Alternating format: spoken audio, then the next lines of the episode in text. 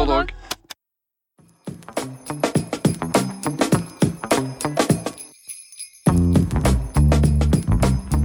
A real reader lives a thousand lives before he dies. The man who never reads lives only one. Dette sitatet er hentet fra George R.R. Martins A Dance with Dragons fra denne Game of Thrones-serien. Og det er jo litt fristende å være enig i det sitatet. Altså, som lesere så kan vi oppleve å bli transportert inn i en annen verden.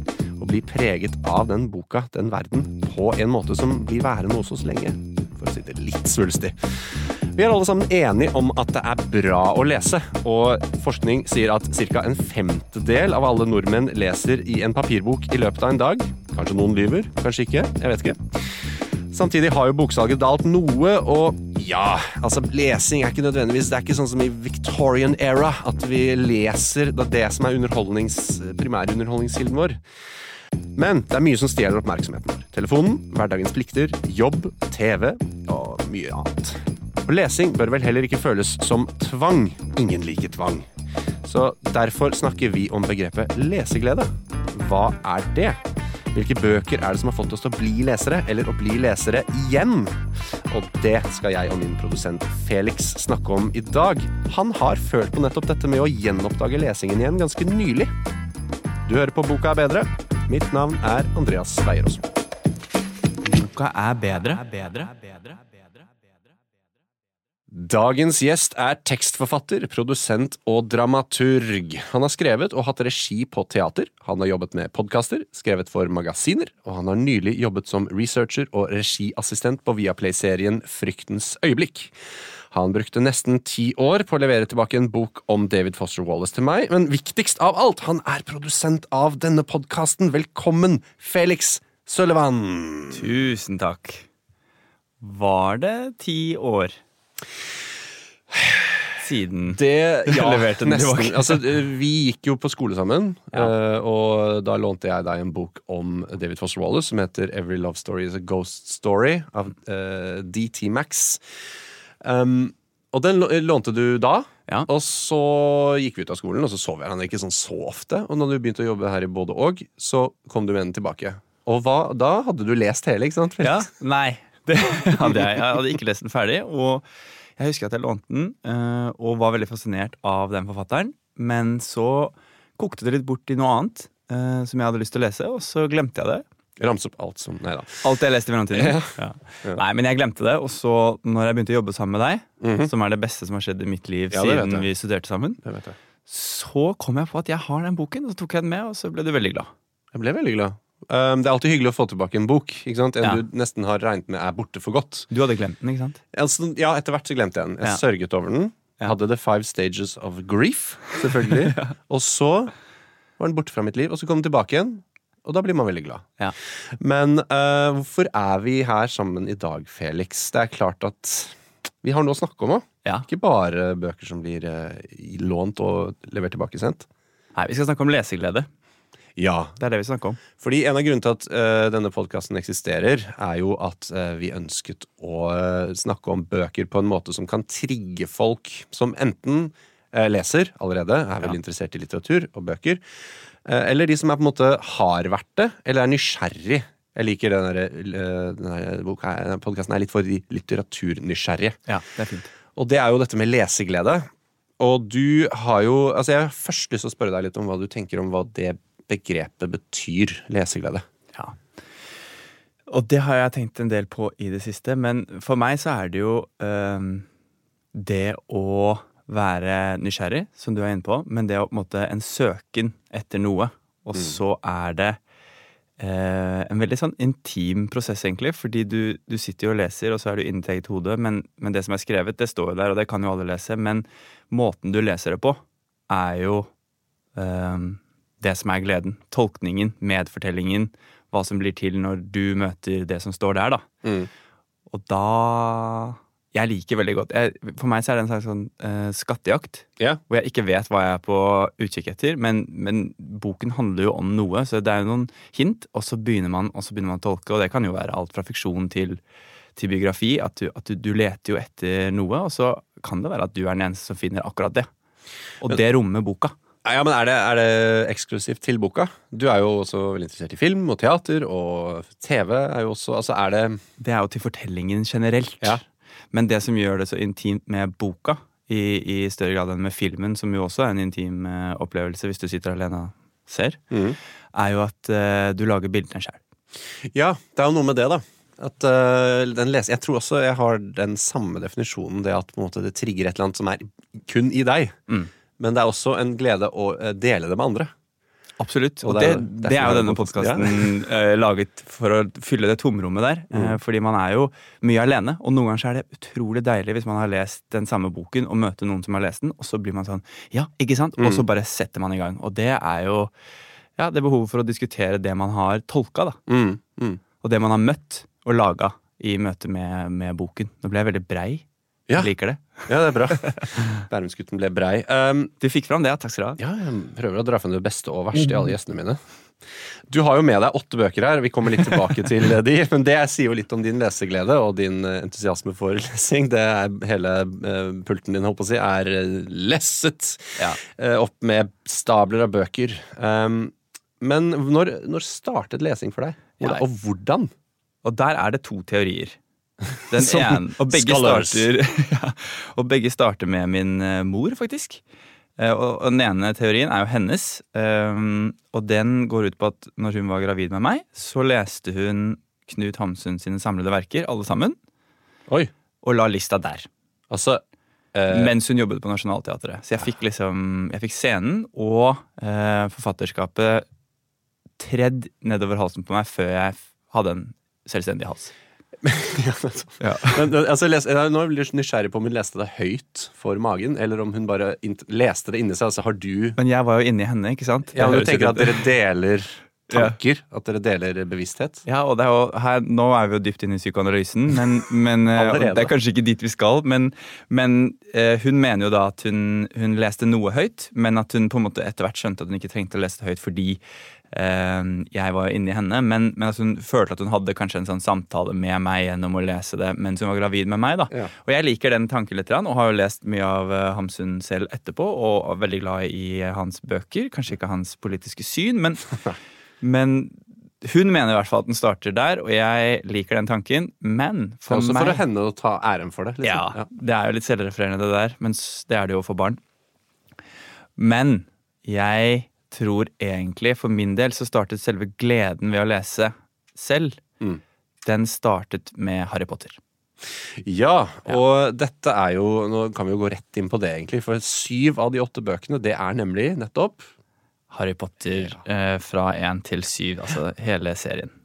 Og um, ja, eh, hvorfor spiller det altså, La oss begynne med starten igjen. Da. Eh, Første gang du leste disse bøkene. Ja. Har du noe sånn tydelige minner av, eh, av det? Absolutt. Eh, og det var jo ikke jeg som leste den første boken, det var jo moren min som leste den høyt for meg og min yngre bror. Mm.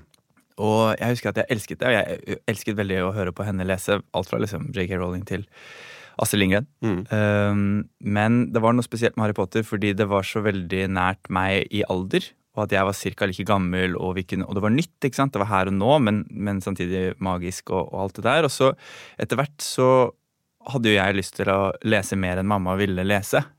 Det gikk for treigt. Ja. Og da var det jo bare ett valg igjen, det var å lese sjæl. Og da begynte jeg, så kjøpte mamma bøkene, og så begynte jeg å lese. Og det var jo helt fantastisk. Og jeg husker at eh, En av de første gangene jeg lærte meg det at du skjønner hva som kommer til å skje på starten av en side, men det som er det interessante, ligger i bunnen av scenen, Mm. og, nei, siden, og der er det en eh, replikkutveksling. Og da hopper du bare rett ned dit, og så leser du der.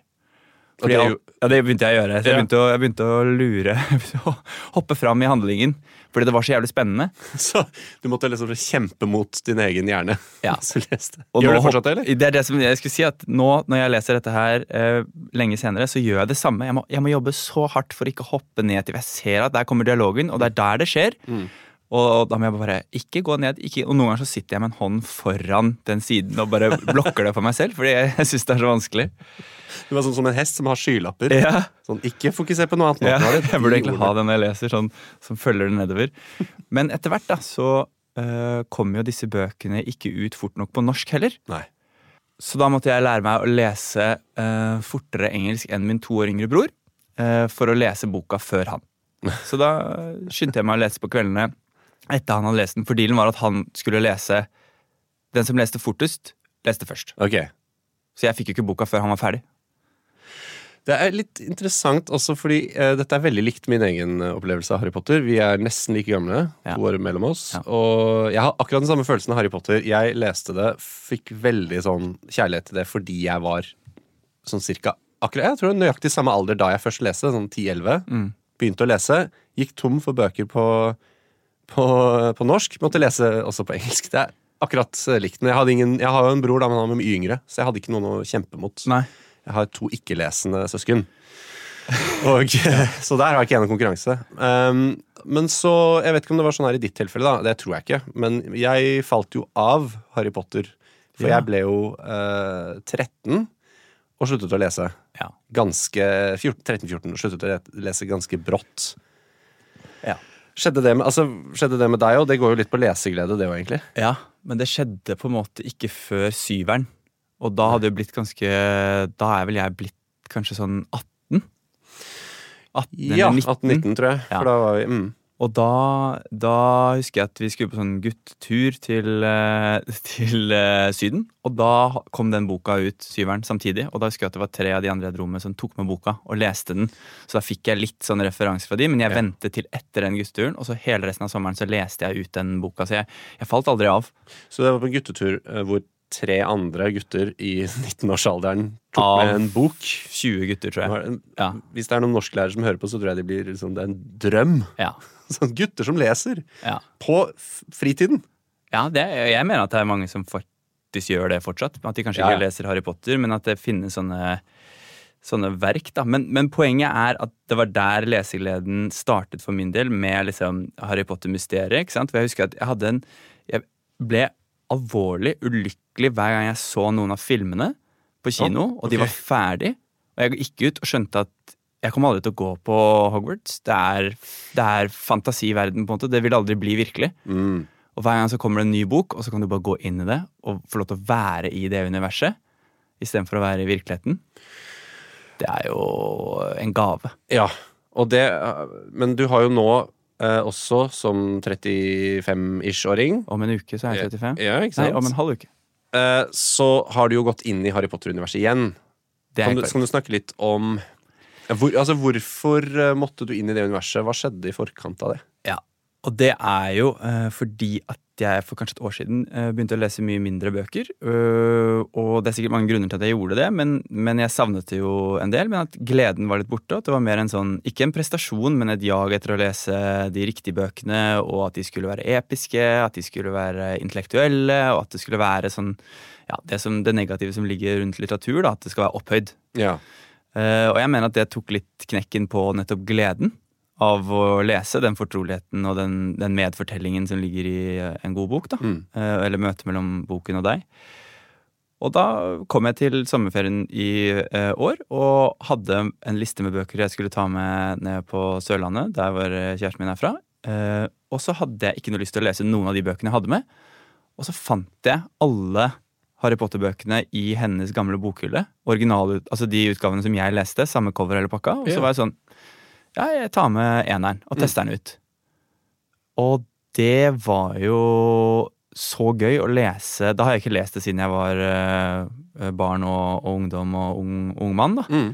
Og det var jo helt fantastisk å, å møte liksom eneren igjen. Og ikke minst, jeg ser jo alle filmene hvert år Ja.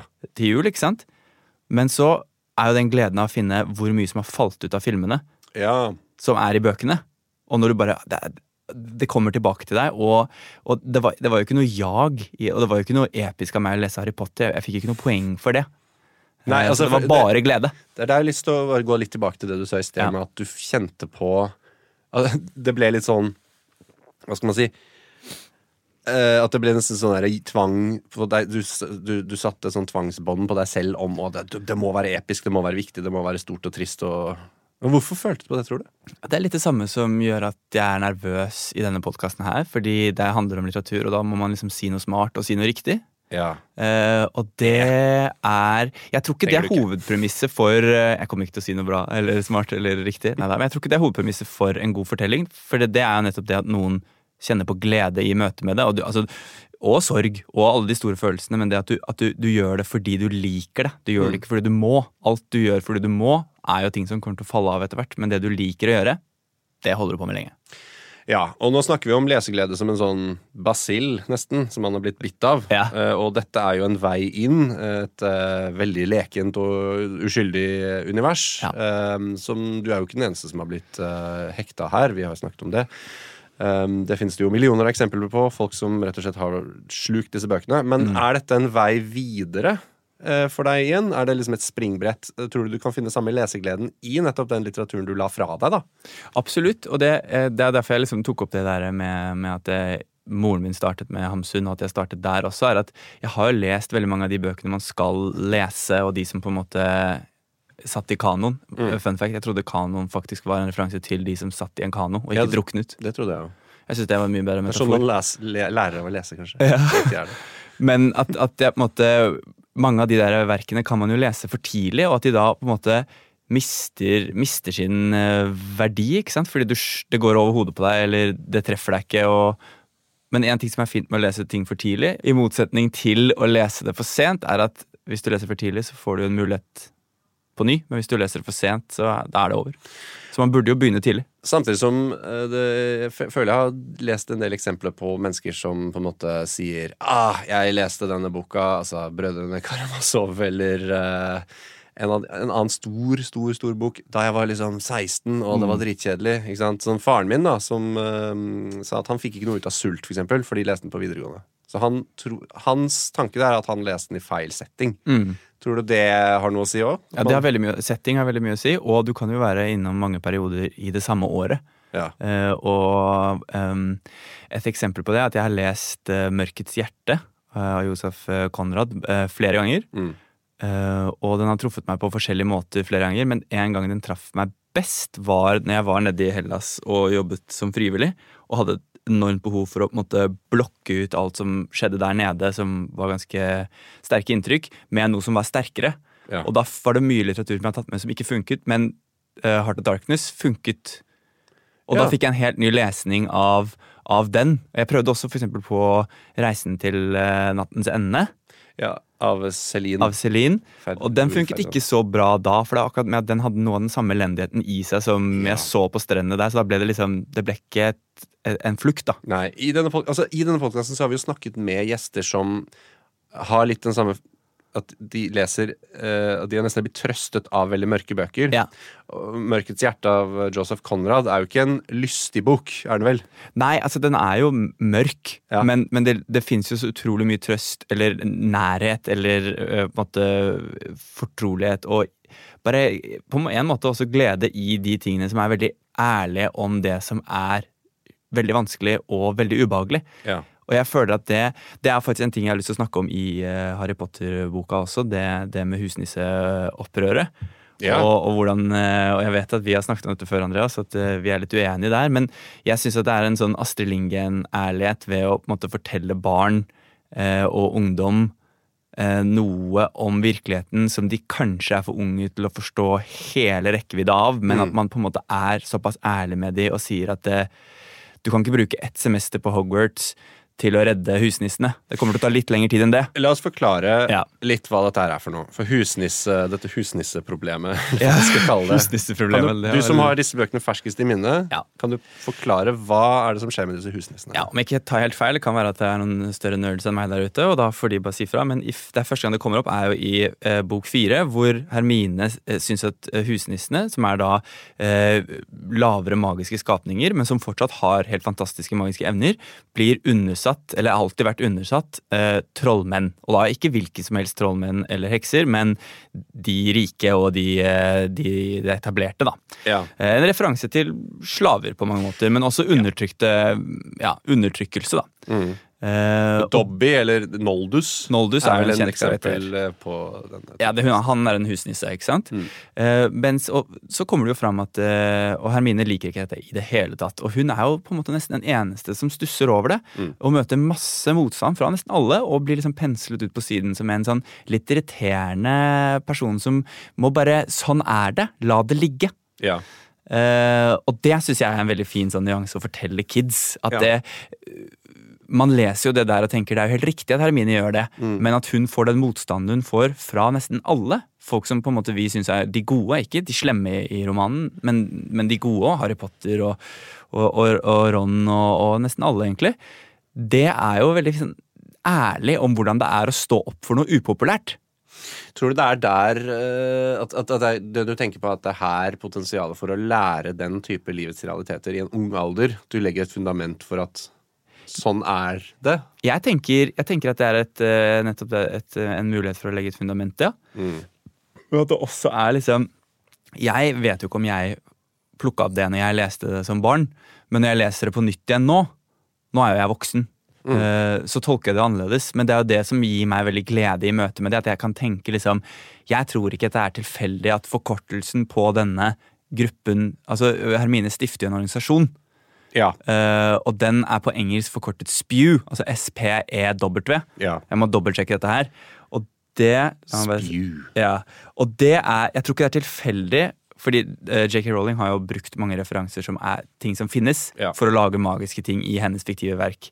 Og den forkortelsen for uh, Det er den samme Spew er den samme forkortelsen for den første organisasjonen for eh, arbeid for kvinner i Ah, ja. England. Okay. Det er altså SPEW. Og det er da Society for Promoting the Employment of Women. Tror du de visste at det var det det altså, Tror du de tenkte over det, eller var det en inside joke? Spew er jo spy. Ja, sånn, ja. Eh, det vet jeg ikke, men jeg, jeg tror, jeg tror eh, Rowling tenkte over dette her. Eh, og hun har jo lagt spor utover hele eh, romanløpet. Og når hun har kommet med sånne quotes etterpå, etter det er ferdigskrevet om hva som skjer med karakterene etterpå, Mm. hvor hun legger opp til at Hermine begynner å jobbe i Magidepartementet, Mm. og, og vier resten av livet sitt til å annet kjempe for rettighetene til husnisser. ikke sant? Så da ligger det jo en tydelig moral om at hun bruker ikke bare ett semester, men hun bruker resten av livet på å prøve å utgjøre en veldig liten forskjell for en undertrykket gruppe som det kommer jo fram i bøkene, som egentlig ikke vil bli hjulpet. Og det syns jeg også er en ganske avansert nyanse, som jeg liker at hun forteller barn, og så får det være opp til foreldrene å nyansere det, da. Ja, og så tenk, men jeg tenker jo der at øh, Den øh, verdi Altså, hun blir jo litt latterliggjort. Og hvis et barn som ikke har de tekniske Ja, Hermine, ja. ja. Ja, Hermine blir jo litt latterliggjort. Absolutt. Og et barn øh, Vil et barn ha på en måte kritisk sans til å ta med seg det og tenke Ja, dette er riktig. Det er riktig å stå opp mot strømmen, og det er verdt det å stå opp mot eh, alle andre, selv om det er ukult? Eller vil de på en måte se et eksempel på eh, det blir jo bare latterliggjort. Mm, det funker ikke. Det er, vanskelig, det er vanskelig nok å passe inn. La meg, eh, ikke sant? Jeg tenker jo litt det, da. Ja, jeg, jeg tror du har rett i at det virker avskrekkende nærmest på, på mange. Men, men det jeg tror det vil gjøre, er jo at det vil jo få uh, unge barn og, og ungdom til å stille spørsmålet hvorfor er hun alene om dette her, eller hvorfor skjer det? Hvorfor, hvorfor er alle så uinteressert? Man, For man får jo veldig en følelse av at det er urettferdig. Og jeg tror veldig mange barn og, og unge har en, en utviklet forståelse av rettferdighet, men at den hele tiden må liksom videreutvikles da, gjennom at man stiller spørsmål hvorfor er det sånn. Og her er det en gyllen mulighet til å eh, trigge det. Og så er det jo ø, viktig å påpeke at jeg husker ikke om det er i slutten av fireren eller om det er i femmeren, men det er én person som viser forståelse for dette her, og det er ikke en hvilken som helst person. Det er Humlesnurr. Og Ja. han er jo, eh, i dette verket her, så er jo han en slags moral. Ja. Han er jo moralens vokter. Han har alltid det riktigste, sanneste svaret. Og hvis det er én person som på en måte ja, han, han, han ser og hører det hun på en måte kommer med, og så gir han det Han tar det alvorlig, men han har jo også et litt annet perspektiv om at det, det, tar, det tar litt mer tid enn et semester å gjøre noen endringer. Ja. Nei, men, altså, men, men tenker du at dette her er eh, Er dette en del av lesegleden? Det vi, ja, men jeg mener, det vi tar med oss uh, på den måten, Ja. enten om det er at du blir avskrekket eller litt nedslått eller uh, motivert Ja, jeg tror det er en veldig stor del av lesegleden. Det at man på en måte man lever seg så inn i noe som er 100% funnet opp, at det blir virkelig. Ja. Ikke bare at det som står på siden blir virkelig, men at du liksom du engasjerer deg sånn som jeg gjør nå. da, Og er villig til å liksom Ja, men det her var det hun mente. Og så kan det være det, er, det kan være at hun ikke mente det i det hele tatt, men min tolkning som møter det her, er det må bety det. Og da, da får jeg lov til å liksom bare Ja, det er real, da. Du leser jo disse eh, Potter-bøkene nå igjen i voksen alder, også i en tid hvor Ja. det er litt tøft å være Rolling-fan. Det er i hvert fall en del kontroverser rundt henne. Jeg synes syns det var bra at du hadde en eh, distinksjon. Det er tøft å være Jeg trodde du skulle si JK Rowling. Jeg tror ikke det er så tøft å være JK Rowling, men jeg tror det er tøft å være fan, ja. Ja. Ja. Og, men hva tenker du om det? Altså, her kan vi gå inn på noe annet som handler om å separere kunsten og kunstneren. ja. Det er alltid et evig tema når det kommer til lesing. Um, men er det Hvordan ser du på det som 30, nesten femåring? Ja, Det der syns jeg er et veldig vanskelig tema. fordi nå har jeg sagt veldig mange positive ting som viser, hvis jeg har eh, rett i mine tolkninger, at JK Rowling er eh, på lag med de undertrykte. undertrykte. Og så har jo den saken der eh, vist kanskje en litt annen side av eh, forfatteren. Men, men de forfatterne som jeg nevnte tidligere, eh, og da tenker jeg vi kan jo ta Celine eh, du Louis finner jo- ja, Du finner jo kanskje ikke en verre, verre fyr. Ja, dette er jo en mann som eh, på 30-tallet, 2030-tallet, en franskmann, Ja. som ble av de verste antisemittene kalt ekstremt antisemitt. Altså, han måtte roe seg ned, liksom. Ja. For kontekstens skyld. Ja, Og han ble jo kasta ut av landet, om jeg ikke tar helt feil. Han, fall, Ja. han måtte søke asyl. Exil, ja. eksil Han eh, stakk eh, ut av landet, i hvert fall. Og han skrev denne boka som eh, du nevnte. 'Reisen til nattens ende', som er jo en helt fantastisk bok, som veldig mange eh, mye mer beleste og lærde enn meg har jo sagt at det er kanskje en av de ja, mest fantastiske romanene som gang er skrevet. Av et fullstendig rasshøl. Som, Ja. Han var også det, da. Mm. Eh, og det tror jeg på en måte i vår tid nå skal okay, Dette blir ikke en forsvarstale av JK Rowling, eh, fordi jeg tror hun har noen, eh, hun har noen synspunkter om eh, transseksuelle som jeg ikke deler i det hele tatt. Men jeg tror man må slutte å kreve av eh, forfattere at de skal være noe mer enn det de er. da. Eh, noen litt sære mennesker som har gjort noe bra, men som gjør mye annet tull også. Mm. Eh, men så må man jo også eh, erkjenne at hun er en kvinne med makt Ja. og er i posisjon. Og da må hun stå ansvarlig for de tingene hun sier. Er disse tingene med på å eh, styrke eller drepe lesegleden? Altså, noen vil nok være skeptisk til å i det hele tatt tenke på disse tingene, tror jeg. Altså, man ser jo i hvert fall måten det blir debattert på, at noen blir nesten irritert når man snakker om Ja. forfatteres Hamsun, da, som var Ja. eh, nazistisk. eh, Altså, han hadde veldig sterke sympatier til Hitler. Ja. Eh, og liksom eh, Lovecraft, da, som også eh, forferdelig rasist. Selv, til, selv til 1920-tallet å være. Og mm, så skal ikke jeg drive og sitte og sammenligne Roll- Rolling med de, fordi, selvfølgelig, men det er, um, det er mange som det, det butter litt imot, da. Ja. Men er det Tror du det er med på å drepe lesegleden, eller er det med på å berike? Åh, Det store bildet av hvordan vi snakker om bøker. Det er jo et godt spørsmål. Jeg tror kanskje sistnevnte. Ja. At det er med på å berike. At det blir, det blir mer kontekst. Mm. Og så er jo, sånn som vi begynte å snakke innledningsvis, om det å- å lese er jo først og fremst et eh, ensomt prosjekt. Du er alene med det, og du skal Jeg liker egentlig best å ikke ha noe Jeg vil ikke ha forfatteren på siden som sier sånn Nei, det var ikke det jeg mente. Ja, det var det jeg mente. Mm.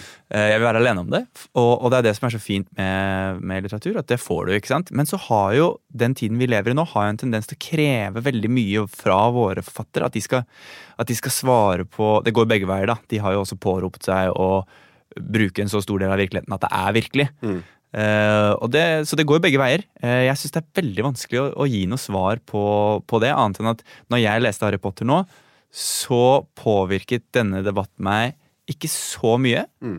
Men i treeren, eller jeg, jeg, husker, jeg tror det er eh, bok tre, så er det veldig mye snakk om at Ron syns det er vanskelig å gå inn på jentetoalettet fordi han er gutt. Og da begynte jeg å tenke på det. Ja, for da drar man ting som er utenfor bøkene, og inn i en tid som en annen tid hvor de ble skrevet også. Ja. Og med. Ja. Men det var, Ja. det var det, egentlig. Bortsett fra det så, så greide jeg å holde henne uten, utenfor min opplevelse av disse bøkene, som jeg føler handler mer om meg og min leseglede enn det handler om JK Rowlings syn på Ja. transseksuelle. Ja. Og, eh, jeg har lyst til å eh, høre med deg om eh, det var noen andre forfattere også som har trigga liksom ulike leseperioder. For jeg har noen selv, skjønner du, som er litt uh, Som jeg på en måte har Som jeg liksom alltid setter på en høy pidestall. Ja. Selv om jeg ikke nødvendigvis uh, ville fått like mye ut av det igjen, og jeg leste det igjen i dag. Ja, Fordi de kom på riktig tidspunkt. Ja, Har du noen flere sånne, liksom? ja, jeg nevnte jo Louis uh, nei, ja, Ferdinand Celine. Celine. Ja. Han kom på riktig tidspunkt. Eh, det, er, eh, det er et godt eh, spørsmål med tidspunkt. Jeg, jeg, jeg var aldri spesielt glad i beat-forfatterne, beat-forfatterne, Mm. men de kom på riktig tidspunkt. Så jeg leste liksom Jack Kerouac og, og Underworld og sånne ting. Mye fordi eh, min morfar sa at jeg burde gjøre det, for han var veldig fan av de. Mm. Syns ikke det var så bra, men jeg leste det på en tid hvor, det, hvor det, jeg leste det ferdig. Eh, og det samme med, med Bukowski og eh, også Hemingway. Ja. Det er jo en gruppe som appellerer til sånn unge menn, uh, som ser Ja. veldig generelt på det. Det er er jo veldig maskulint. ja. Men det er også en ting som jeg har, jeg har sett på de jeg har lest, de, de bøkene som har sittet igjen i meg, da, så har det Dette er en stund siden jeg gjorde meg denne merket meg dette her, men 70-80 menn. ja. Til det punktet hvor jeg kommer i midten av 20-årene, hvor jeg begynner å automatisk introdusere meg for kvinnelige forfattere, nettopp for å unngå ja, Kanon er jo full av menn, på en måte, så det, Ja. hvis du skal lese kanon, så blir det mest menn. Ja. Det er jo noen kvinner der, eh, eh, men de er i fåtall. Så da, da måtte jeg liksom begynne å eh, aktivt introdusere kvinnelige forfattere, fordi ja, de var ikke representert gjennom ironisk nok morsmelka. Ja, og det, så det er noe du på en måte har måttet være mer bevisst på. da At liksom, Nå skal jeg se litt nøyere etter. Ja, og det var litt Kvinner. flau Det var litt sånn pinlig når jeg merka det. Jeg husker jeg sa det til faren min òg, han, han ble litt sånn irritert, for han syntes at det var litt sånn tåpelig ting å påpeke. Og jeg tror ikke han uh, mente noe vondt med det, men, men jeg bare, for meg så var det sånn Ja, det må jeg jo sette og slutte med. Mm. Livet er jo for kort til å bare lese menn. Livet er for kort til å bare lese menn. Ja, virkelig. Men, ma men, men. Mange av de mennene som jeg har lest, har skrevet bra bøker, og jeg, og jeg tror jeg leste Sult på nytt. Jeg tok Sult tilbake, da. Ja. Altså Hamsun sin eh, eh, roman. Fra skolebenken. Ja. Fordi jeg har jo også det minnet av at det ble liksom tredd på meg. ja. Og var ikke så fan av det. Og så leste jeg liksom de tre første bøkene hans eh, på nytt når jeg var eh, i starten av 20-årene, og elsket det. ikke sant? Ja. Det er jo det er en fantastisk følelse å lese noe som er skrevet for en stund tilbake, og bare at det snakker så til deg. Mm. Um, at det, at det, det føles som noe som skjer her og nå. Jeg leste også Sult i ja, midten av 20-årene etter vi etter ferdig på Westerdals, Ja. hvor jeg var veldig fattig. Skrev sånn frilans. Og hvis man har lest Sult der hjemme, så vet man at det er på en måte Ja, det å prøve å, få penger for å skrive er vel akkurat det den boka handler om. Ja, han, har det, han har det litt verre enn jeg hadde det, men det var eh, Det er gøy hvordan du kan ikke bare treffe liksom tematikken, men også nesten som du er sånn Dette lever jeg på en måte nå. Ja. Sånn sult, da. Men jeg skal bare si én ting til på akkurat sånn øh, fattere som har betydd Eller en periode hvor det betydde mye for deg, var øh, det å lese for å le, lesegledens skyld, på en måte, og at det ikke har noe å si hvem som har skrevet fortellingen, men at det bare er en god fortelling.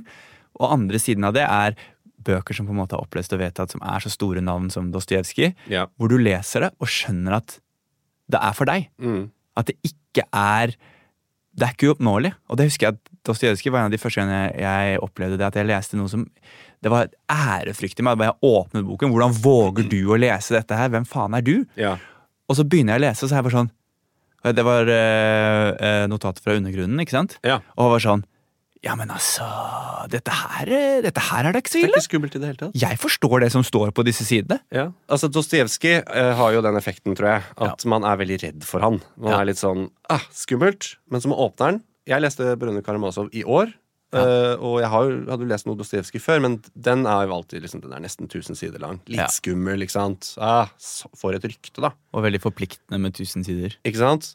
Så leser jeg den, og så er det jo eh, veldig spennende. Og etter hvert så blir det jo en krimroman, på en måte. Ja. Og det er jo noen som dør, og det er noen som er skyldig, og så er det litt uklart, så er det en rettssak. Ja. Og da blir det jo veldig sånn Men herregud, hvorfor har ingen fortalt meg det? ja. Hvorfor er det ingen som har sagt det? Mm. For Det er jo også det som en helt vanlig fortelling. Ikke sant? For Ja. det er sånn Da blir jeg litt sånn Kanskje det er det som må sies for å fremme leseglede og få folk til å lese Dostojevskij, eksempel. Og Ja. gidde å bruke eh, tiden sin på 1000 sider. For det er så spennende. Men det er der jeg du tenker at det er støvete, fordi det er Det står øverst på hylla og liksom er en skummel, stor, ærverdig uh, som sværing. Ja, men det er der jeg mener Harry Potter har ført meg til Dostojevskij. At det er Du må begynne i det små, sånn at du får bort Fordi boka i seg selv, uavhengig av hvem som har skrevet den, er en beskyttet størrelse, og det er ærefrykt forbundet med den. Hvis du lærer barn at det er også bare tull du, kan bare, du kan åpne en bok når som helst, så lenge du kan lese, så kan det være for deg. Kan det være at Ja. du ikke liker den, og da kan du også legge bort den boken og prøve på noe andre. Finn heller en bok som passer deg, enn å bruke masse tid på å lese eh, bøker som, du ikke, som ikke treffer deg. Mm. Men det lærer man der, og det kan man også bruke til å gå inn i større? Til slutt så sitter du og leser eh, ja, Dostojevskij, da, eller eh, James Joyce, som jeg på en måte har prøvd mange ganger. Som jeg bare Ulysses. Det skjer ikke. Jeg har fått tre utgaver av Ulysses. Ja, det, er, det er ikke over ennå, men jeg har fått tre utgaver. Alle sammen fra moren min, for hun har glemt at hun har gitt det til meg. Dedikert og litt glemsk mor. Og jeg kommer ikke forbi eh, 100 sider engang, altså. Og det er helt greit. Ja, ja. Det må være greit. Det må være helt greit, syns jeg. Men det er, det er veldig interessant. Og jeg, jeg, jeg har det samme med Jeg har jo noen bøker som jeg også har prøvd meg på. Altså, Joyce har jeg heller ikke, ikke takla Ulysses. Um, men Det er helt har- greit, Andreas. Det er helt greit. men Murakami, Ja. som vi også har snakket med eh, Du er veldig glad i han. Ja, jeg er veldig, veldig glad i den. Og det er jo vår venn Sigrid Bonde Tusvik, som også har vært med i en episode og snakket om det som jeg en gang har kalt min favorittbok, 'Trekk opp fuglen'. Mm. Det var en av de forfatterne, altså Murakami, eh, en av de som jeg akkurat riktig tid. Jeg var, jeg var 20 Ja. år og var klar for noe som var litt tyngre enn på en måte young adult eh, fantasy-aktig bøker, da. Ja. Som også eh, noen av de vært veldig viktige for meg, men da var jeg klar for å ta steget, og der var Murakami og holdt meg i hånden, liksom. Ja. Uh, og, og det syns jeg er veldig spennende. Så jeg hadde lyst til å høre med folk uh, Sjekka litt på Instagram og spurte om folk har hva er det, Hvilke bøker uh, eller forfattere er det de forbinder med leseglede? Ja, det er godt. Nå har jeg lyst til å lese uh, ramse opp noen av de. Eira, for eksempel, sier 'Catcher in the Rye'. Ja. Har du lest den? ja. Og sier, hun uh, utdyper litt ved å si det minner meg om å lese som besatt som barn eller tidlig tenåring. Bra kur for lesertørke. Ja. Det er litt det vi er inne på. Veldig godt tips. Det er jo en bok som også eh, er om en ung mann. Ja. Skrevet i en ung manns stemme. En, eh, ja, en 17 år gammel, kanskje. 18, men det er jo skrevet på 50-tallet. Men den fortsetter å fenge, da. Veldig. Eh, og, og har eh, fortsatt det i 70 år, eller noe, hvor lenge det er siden den ble gitt ut nå. Men tror du det er mange eldre som kan lese den Ja, kanskje de leser Jeg den med nostalgi? nostalgi, da? At de går liksom tilbake til sin egen rotløshet som ung, da? For det er jo det han Ja. hovedpersonen sliter mye med. Han, Jo. han har ikke funnet sin plass, og så han, skjer det et par kjipe ting. Jeg er jo egentlig av den oppfatning av at man trenger ikke å være i det headspacet som en bok eh, er. på en måte. Man trenger ikke å være ung og rotløs Nei. for å forstå det, men jeg tror at det er enkelte bøker som på en måte kanskje appellerer bedre til hvis du har levd i 50 år Ja. eh, og vil treffe deg hardere. Eh, fordi den er fylt med en erfaring som du kanskje må føle litt på kroppen. Ja. Men samtidig, bøker og lese og leseglede, det handler om å leve seg inn i andre situasjoner. Og er det er, jo derfor vi leser om trollmenn og, og, og space adventures og alt Ja. det der. Fordi vi, vi, vi ser oss selv i det, da. Selv om det ikke er det vi driver med hver neste dag. Ja, Og så er det et menneske som har sittet og skrevet, det, så det er vanskelig å gå utenfor det menneskelige. Mm. Nettopp. Eh, apropos beats, altså beatforfattere, som du var inne på i sted. Jonas, vår venn Jonas McDonald fra, fra skolen, han nevner jo Ask the Dust av John Fante. Fante. John Fante. Fante. Det er også en sånn beat, eh, og en klassiker, men en litt underkjent klassiker. Ja, den er liksom, den er enda mer heavy enn de andre vi har nevnt nå. Den er liksom Ja, den, den er vond. Ja. Men den er også veldig i den gata der, da. At det er, eh, ja, det er menn som syns litt synd på seg selv. Menn som Spør, syns- ja, skal ikke jeg redusere John Fante til det, men det er litt sånn vibe jeg får, da. Um, eh, Maren Celius Brix snakker om Gormengast av Mervyn Peak. Jeg innrømmer at jeg ikke vet så Eh, mye ok. om det, men jeg har hørt om jeg tror, er, Ja, skal ikke uttale meg så mye om det, men eh, Håkon sier The Dice Man. Det er jo en kultklassiker. Ja. Og det er jo litt sånn, Hvis du leser den og får, blir veldig inspirert av det, for det er jo da en bok som handler om en mann som bestemmer seg for å leve etter et terning.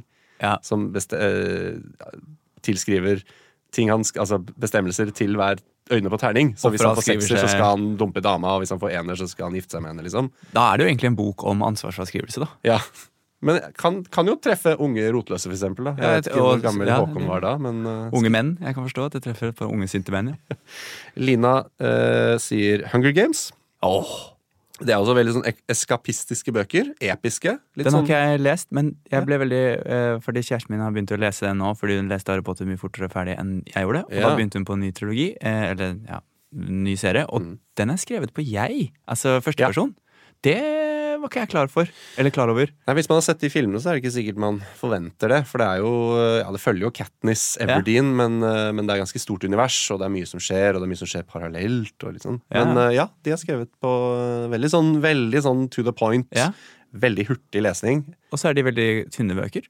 Ja, relativt til uh, episk fantasy eller sci-fi. hva Ja, det. Det er litt unormalt at det er tre tynne bøker som alle er skrevet så vidt jeg vet, i Ikke første sånn person. kjempetynne, altså, men de er uh, kanskje tynnere De er for tynne, Andreas. Ja, de er for tynne for oss.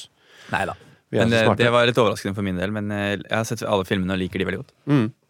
Kristin nevner flere, men noen av de er blant annet boka om Avicii. Den har ikke jeg lest. Nei, men det er jo en uh, historie man kanskje har blitt kjent med. Oh, ja. Hun nevner også uh, Min skyld av Abid Raja. Åh, Den har jeg hatt lyst til å lese, men jeg har ikke rukket å lese. Dette er jo historier om motgang, Ja. kan man si begge er. Uh, og det er vel fint å finne leseglede i det. Ja. Og på en måte det er kanskje noe å finne trøst da i tøffe fortellinger. Altså fortellinger om Jeg digger biografier. Ja, du gjør det? Ja. Du, men, er du sånn som um, hva, Hvor går grensen for når du må lese en biografi om en person? Hvor fascinert må du være om et Ja, tema? eller du må være ganske eh, Det er min regel, da. Men de skal helst ha vært døde for ganske lenge siden. Og at ikke det finnes noen gjenlevende kilder som kan fortelle 'Jeg kjente han, jeg pleide å drikke med han'. Ikke noe sånn. Eller 'jeg hang med henne'. Jeg vil ha øh, øh, kunstnere, helst, som har levd øh, som, som har en sånn altså, Jeg tenker selvfølgelig på Munch, ikke sant? Ja. Som levde for kjempelenge siden, og som hadde Det er masse byter, og så er det bare skrevet Så må man tolke. Mm. Og så har disse biografiforfatterne tolket deres liv gjennom deres verk, deres tekster og ting som finnes av spor om deres liv. Og så prøver de å sette sammen en slags ikke forklaring, men, men en, en slags tese på hvordan de var. da. Og så blir det enda viktigere for leseren å eh, bli med på den skattejakten og, og prøve å på en måte Ja, ok, hvis, og i hvert fall hvis det er om kunstnere som har puttet mye av seg selv i verk. Ja. For da, er jo, da løper jo tolkningsapparatet mitt eh, løpsk. Ja. Og det digger jeg. Og Munch er et godt tilfelle, eh, eksempel på det. Og Hamsun er også et godt eh, Der er det skrevet veldig mye gode biografier. Vi kommer litt tilbake til Munch. Vi gjør det. Vi holder henne igjen litt. Ja. Eh, jeg nevner de siste her. Jon Erik Riley, venn av podkasten, han nevner en eh, han også nevner biografi, eller memoarer, en selvbiografi, Ja. fra en mann som het åh, dette kommer jeg til å herpe det navnet her. Beklager alle portugisiske, men Bra, Bras Cuba. Jeg vet, jeg vet ikke. Jeg vet ikke om du sa det riktig, men det hørtes Det jo gjorde jeg helt sikkert ikke. Portugis. Eh, han var en portugisisk nobelmann som levde på 1500-tallet.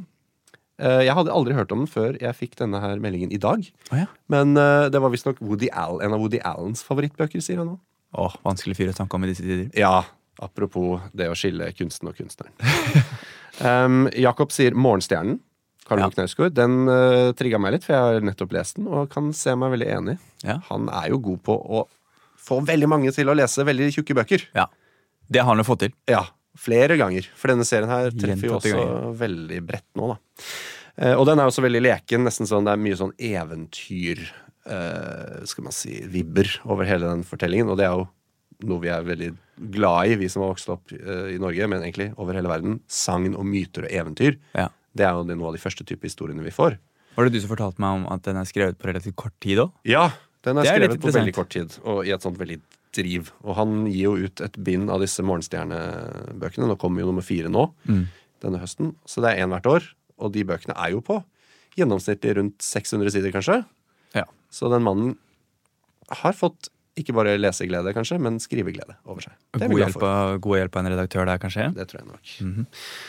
Petter sier Mathias Fallbakken sine 'Stakkar' og 'Vi er fem'. Og hvis jeg hadde nå fått eh, 50 kroner for hver gang Mathias Fallbakken sine bøker blir nevnt i denne podkasten, så hadde jeg hatt kanskje 150 eller 200 kroner. Ja, det har blitt nevnt Å ja, det var ikke så mye. Nei, nei, det er nok. Jeg jeg føler, hører navnet hans eh, veldig mange ganger. Ja. Og husker du den derre Er det første boken hans? Den derre uh, Chocahola Company, eller hva det var? Det er en, han skrev det Aborasol? Ja, han skrev det under Rasul eh, Ja. eh, i, på starten av 2000-tallet. En trilogi Stemmer det. som eh, vakte mye oppmerksomhet da. Og så er han jo egentlig også en billedkunstner. Ja. Og så er han returnert da til eh, litteraturen. Jeg tror han holder med begge deler. Ja. Ja. Eh, Meget kjekk mann, hvis man kan få lov til å si det. Ja, han er sånn provoserende kjekk. Det er jeg Ja. enig i. Um, Men han skriver ikke noe godt. Nei, jeg bare tuller. Hansken er kastet, Mathias. Ja. Du må gjerne komme og forsvare deg selv på Jeg tar det tilbake. Mathias. Han er veldig sterk, tror jeg. Altså. Men disse tre bøkene han har skrevet nå i nyere tid, The Hills, Vi er fem og Stakkar har fått veldig mye oppmerksomhet. Ja. Og apropos det jeg sa i sted med Morgenstjernen, det er mye, her er det også mye sånn mytologi og eventyr. Mm. I hvert fall i uh, Vår venn uh, av podkasten Eirik Riis Mossevin Mm. snakket jo også om disse bøkene og trakk fram nettopp det at det er litt sånn episk eventyrkvaliteter over, over de bøkene. Åh, jeg som digger leirklumper. Han skriver nesten litt sånn ut av sin tid da, Mm. om uh, dette. Nå har ikke jeg lest disse selv, men det har blitt solgt veldig grundig inn til meg. Mm. Jeg har heller ikke lest, men jeg har også fått høre mye bra. Så kanskje vi må lese. Jeg tror vi må det. Mm. Så vi har nå vært gjennom en del folkslesegledeopplevelser. Uh, våre egne. Eh, til slutt, Felix, så har jeg lyst til å Det er jo en åttende bok Det er en åttende som bok vi har på bordet her. Ja. Hvilken bok er det? Det er den nye, og nå skal jeg prøve å uttale navnet riktig. Eh, Det er ikke så vanskelig, jeg bare vil ikke si det feil. Og det er da den nye biografien om Edvard Munch. Den heter Stormen, bind 1, og det er av Aivo Di Figreido. Eh, Bind 1. Mm. Jeg tror bind 2 kommer Jeg vet ikke når den kommer, men Det kommer i hvert fall, det er, en, det er en nummer to, og det er vel den siste. ja. Fordi den her går vel bare fram til Starten av 1900-tallet. Ja.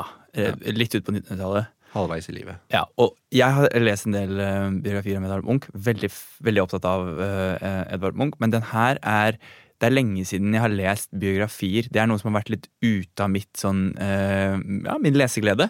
Mm. Og nå kommer det tilbake. Og vi to jobber jo med en podkast om Edvard Munch. Ja. Så det er også jobb for meg å lese dette her. Men jeg sitter altfor sent oppe, og det kan jeg si nå, eh, i ukedagene, og leser denne her og, og på, eh, i senga, og koser meg veldig. Eh, og der er det der mysteriet tilbake. ikke sant? Man Ja. må, her er det, det finnes en del informasjon. Det er skrevet masse om Edvard Munch.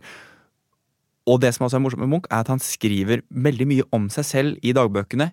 Og kaller seg selv forskjellige navn. Og Ja. han, han gjør det fiktivt. Så det er liksom så mange lag av fortelling. Og så har han som har skrevet denne biografien, begynt å tolke igjen Hvis dette handlet om Munch, hva kan det da bety om Munch? ja. Og det er snadder. Og det fyller jo dine tidligere nevnte kriterier om, eh, Ja. om, autobiografi, eller om biografier, om at de skal Ja. ha vært død så og så lenge. For eh, Munch er jo en historisk skikkelse, og i likhet med Hamsun er jo en person vi må forholde oss til. Ja, En størrelse. Ja, Så det har gitt deg Det har vært neste steg, da, kan man si. Eller på, Ja. på springbrettet inn igjen i lesegleden. For å komme i gang igjen. Gøy. Og det er også, Med Munch så er det også en ærefrykt. ikke sant? Det er jo, ja, Alle har blitt tvunget til å forholde seg til han, i hvert fall hvis vi er fra, når du er fra Norge. Ja. Uh, fordi han er så svær, ikke sant. Og da er det sånn Hvorfor skal jeg eh, Hva, hva vet vel jeg hvordan Altså Bare sette seg ned, begynne å lese, og så er han ikke så ulik deg selv. Nei. Og du trenger ikke å være et geni for å Jeg er jo ikke det, og jeg føler at jeg forstår den både forstår og misforstår den mannen. Ja, det er jo noe vakkert i å eh, kunne forstå og misforstå en mann som har levd eh, Som levde for eh, Altså som ble født for 160 år siden. Ja. Så hvis vi skal prøve å oppsummere leseglede Det går jo ikke. Nei. Men Men du skal prøve likevel. ja, ja. Altså, prøver, vi prøver sammen. Vi er jo okay, vi sammen. sammen hånd i hånd. Um, leseglede Altså, det gjelder å på en måte finne den boka som passer for deg. Det er ikke noe vits i, som du sa i sted, å på en måte bruke livet sitt på å lese noe som aldri kommer til å funke for deg. Ja, at, det, at det er lov da å legge ned en bok fordi da betyr det ikke automatisk at du er mislykka, men at Ja. den boken ikke traff deg, og det, det er dømt til å skje. Hvis Ja. du plukker opp mer enn tre bøker. At en en av de i hvert fall, eller kanskje alle, ikke treffer deg, men det betyr ikke noe mer enn at de ikke traff deg. Tenk så mange som er, bøker som er skrevet, liksom. Det er veldig mange.